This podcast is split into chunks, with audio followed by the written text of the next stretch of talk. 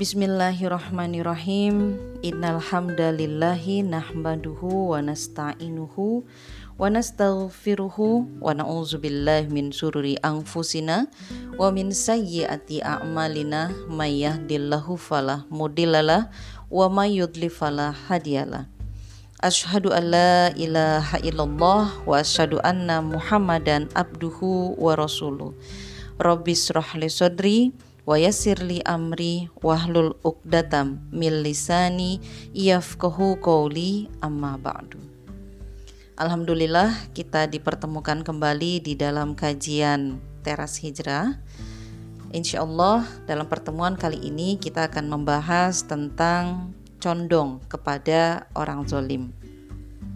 Apa itu yang dikatakan sebagai condong kepada orang zolim dan seperti apa larangan-larangan yang berkaitan dengan condong kepada orang zalim ini.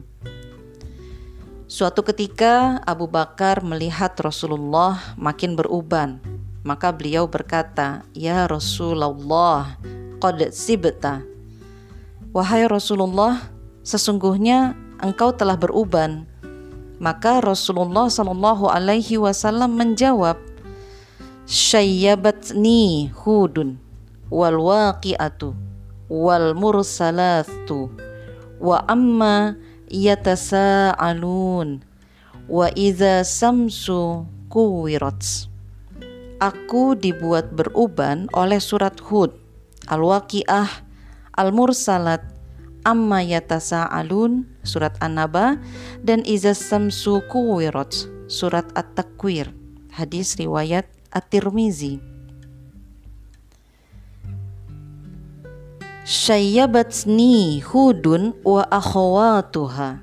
Menurut riwayat lain disebutkan aku dibuat beruban oleh surat Hud dan saudara-saudaranya menurut tafsir Ibnu Kathir.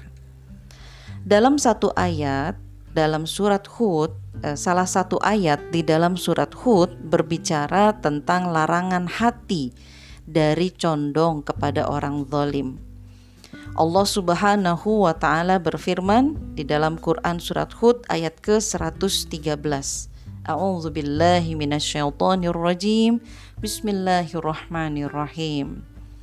Wala tarkanu ilal ladzina zalamu fatamassakumun naru wa ma lakum min dunillahi min awliya'a thumma la tunsurun dan janganlah kalian cenderung kepada orang-orang yang zolim yang menyebabkan kalian disentuh api neraka dan sekali-kali kalian tiada mempunyai seorang penolong pun selain dari Allah.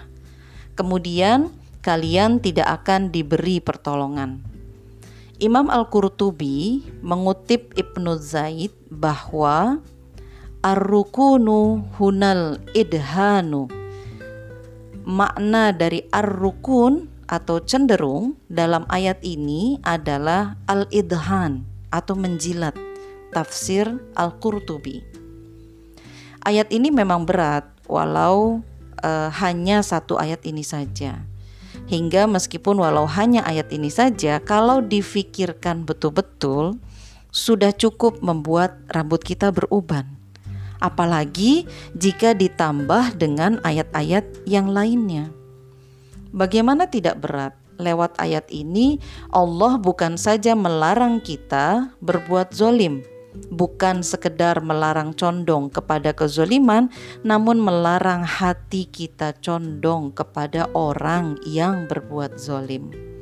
Padahal, orang yang berbuat zolim kadang-kadang adalah teman baik kita atau mereka atasan kita, atau justru penguasa, dan Allah tetap mengancamnya dengan fatamassakumun nar.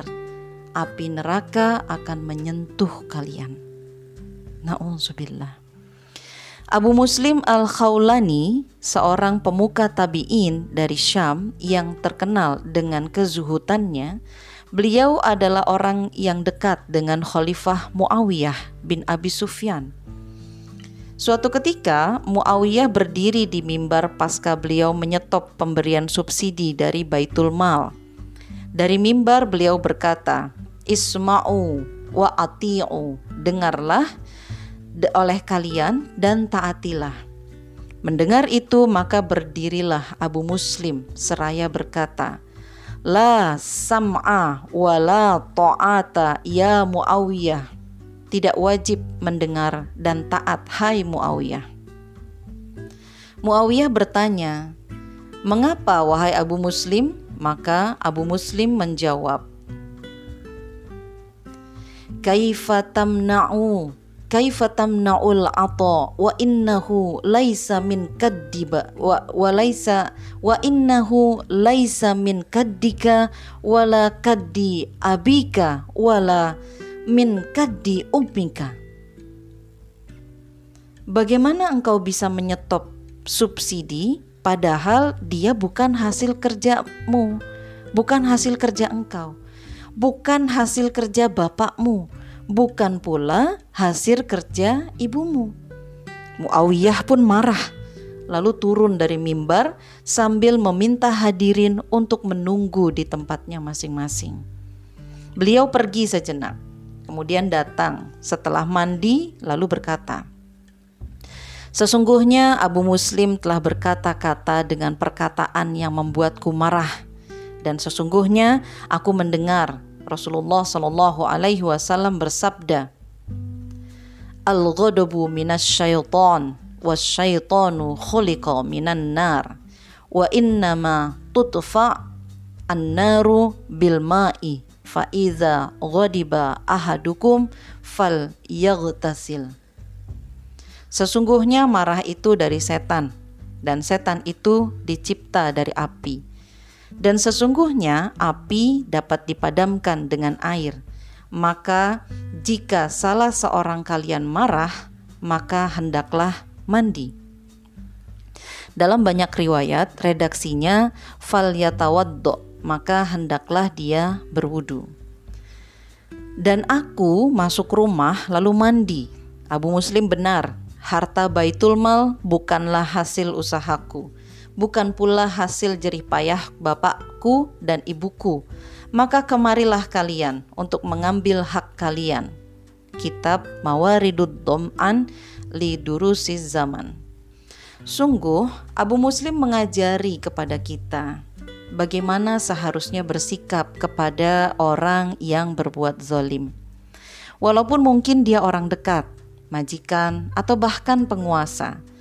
Pelajaran yang terasa semakin susah saat keteguhan sikap mulai langka, mudah luntur, tergerus oleh sumbangan, pujian, pangkat, jabatan, beasiswa, bahkan luntur dengan hanya diajak makan di istana. Kecondongan hati kepada orang yang berbuat zolim, di samping akan mencelakakan diri pelakunya, juga akan menjadikan orang yang berbuat zolim semakin terjerumus ke dalam kezolimannya. Inilah yang dilarang di dalam Islam. Kita tidak boleh membiarkan kezoliman, bahkan cenderung untuk menyetujui, menyukai, mencintai kezoliman saja kita dilarang karena berarti kita akan membiarkan orang lain yang berbuat zolim itu semakin terjerumus dalam kezolimannya. Munculnya Fir'aun yang mengaku Tuhan tidak lepas dari kesalahan orang-orang sekelilingnya yang tidak mau mengingkarinya, tidak mau menasehatinya, tidak mau mendakwahinya. Namun justru condong dan menjilatnya, setuju, menyukai, itu dikatakan sebagai condong. Oleh karena itu Rasulullah Shallallahu Alaihi Wasallam menyatakan, wal yansur rojulu akhohu toliman au mazluman in kana zaliman. Falyanhahu fa innahu lahu nasrun. Fa in kana mazluman falyansurhu hendaklah seseorang menolong saudaranya sesama muslim yang berbuat zolim atau yang sedang dizolimi. Apabila ia berbuat zolim atau aniaya, maka cegahlah ia untuk tidak berbuat kezoliman. dan itu berarti menolongnya. Dan apabila ia dizolimi atau dianiaya, maka tolonglah ia. Hadis riwayat Muslim. Jika kepada orang zolim saja kita dilarang condong, lalu bagaimana sikap kita kepada orang yang melakukan kezoliman yang sangat besar, seperti kekafiran dan kesyirikan? Tentu lebih dilarang lagi maka kita tidak boleh mencintai, menyukai, condong terhadap orang-orang yang melakukan kekafiran, melakukan kesirikan, dan juga melakukan kezuliman. Demikian kajian kita di Teras Hijrah. Kita akan bertemu lagi di dalam kajian kita yang lainnya. Kita tutup dengan pembacaan doa kafaratul majlis subhanakallahumma wa bihamdika asyhadu an la ilaha illa anta astaghfiruka wa atubu ilai. Billahi taufiq wal hidayah. Assalamualaikum warahmatullahi wabarakatuh